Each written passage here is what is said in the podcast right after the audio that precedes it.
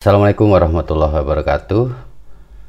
Jumpa di perdana podcast saya Cangkrukan. Nah, Cangkrukan ini adalah kalau dalam bahasa Indonesia ini jagongan, ini bahasa Jawa atau nongkrong, ngerumpi di pinggir jalan.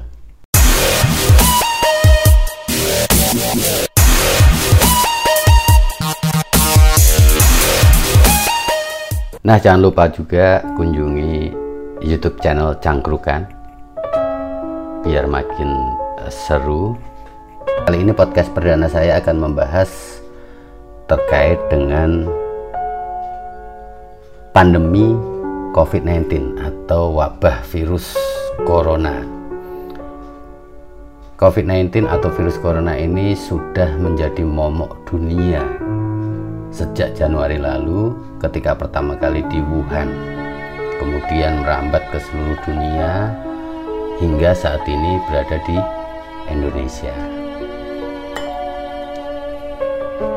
Menurut data per April 2020 COVID-19 atau Corona telah menginfeksi lebih dari 3 juta jiwa dengan jumlah kematian mencapai lebih dari 200 ribu korban jiwa di seluruh dunia. Nah, kalau bicara soal virus corona ini, kira-kira negara atau orang seperti apa sih yang diserang oleh virus ini?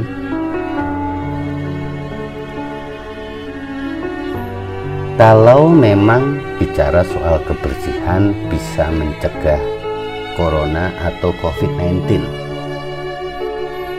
mungkin Italia tidak akan menyaksikan 260 kematian per hari akibat corona serta sekitar 192 ribu orang terinfeksi. Atau total hingga saat ini 27.000 orang meninggal akibat COVID-19 dan di antaranya 150 adalah dokter yang ikut meninggal karena corona. Nah, kenapa? Padahal Itali termasuk negara terbersih di Eropa. Nah, kemudian kalau memang panas atau suhu panas bisa membunuh corona, mungkin Iran tidak akan melihat lebih dari 91 ribu warganya terinfeksi serta lebih dari 5.000 orang meninggal karena corona. Kenapa? Karena kita tahu Iran adalah negara gurun yang panas. Lalu kalau memang kehati-hatian bisa mencegah corona, mungkin Pangeran Charles dan beberapa keluarga kerajaan di Inggris tentu tidak akan terpapar COVID-19. Kalau kita lihat hidup mereka paling hati-hati dan terjaga. Dan kalau memang orang yang cuek dan sembrono pola hidupnya pasti kena corona. Mungkin para pengamen jalanan kuli-kuli kasar para pedagang pasar tradisional sudah pada tersungkur semua. Kenapa demikian? Mungkin jawabannya karena memang hidup ini tidak harus selalu sejalan dengan teori teknologi dan akal manusia. Sudah banyak tenaga medis yang terpapar dengan virus COVID-19. Apakah mereka tidak menggunakan APD dengan benar? Atau apakah mereka tidak hati-hati dalam menjalankan profesinya? Belum tentu juga demikian. Terus, Apakah orang yang kelihatan sudah sedemikian dekat dengan Tuhan dijamin tidak akan terkena corona? Ini tentu tidak juga demikian. Karena kalau kita lihat sudah ada beberapa tokoh agama yang terjangkit virus ini bahkan sampai meninggal.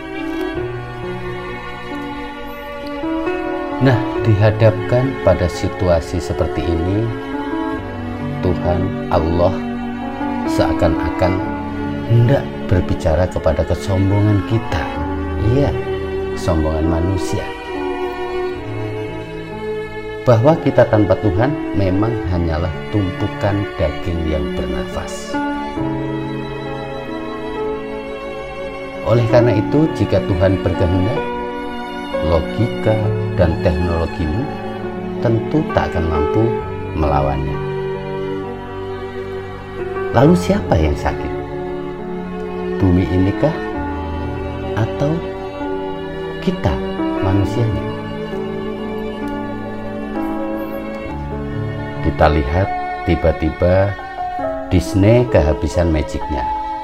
Paris kehilangan romantisnya, New York kota hingar-bingar akhirnya sunyi sepi, tembok Cina tak lagi menjadi benteng yang kokoh, dan Mekah berdesak-desakan kini mendadak kosong. Pelukan dan ciuman tiba-tiba menjadi senjata. Tidak mengunjungi orang tua dan teman menjadi tindakan cinta.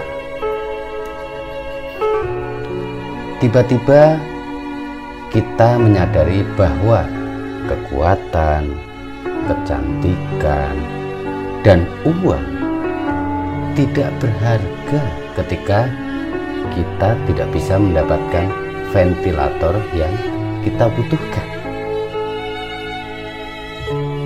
Bumi tetap melanjutkan hidupnya dan langit semakin biru. Sedangkan kita manusia saat ini ada di dalam sangkar. Saya berpikir Tuhan mengirimkan sebuah pesan buat kita. Hai orang-orang yang sombong, kalian tidak diperlukan. Udara, tanah, air, dan langit tanpa kalian baik-baik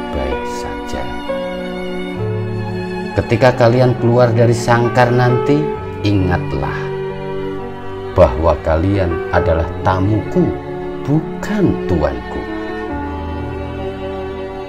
Walaupun hanya sebuah kutipan, tetapi aku merasa cukup indah untuk ditampilkan. Tuhan itu nyata, dan Dia masih terus bekerja untuk mendatangkan kebaikan bagi orang yang mengasihinya. Akhir kata, dari COVID-19, dari kesombongan kita, dari keangkuhan kita, dari simpanan kita yang begitu banyak, semoga kita selalu dalam lindungan Allah Subhanahu wa Ta'ala. Dan semoga ini bisa kita renungkan bahwasanya kita bukan apa-apa. Assalamualaikum warahmatullahi wabarakatuh.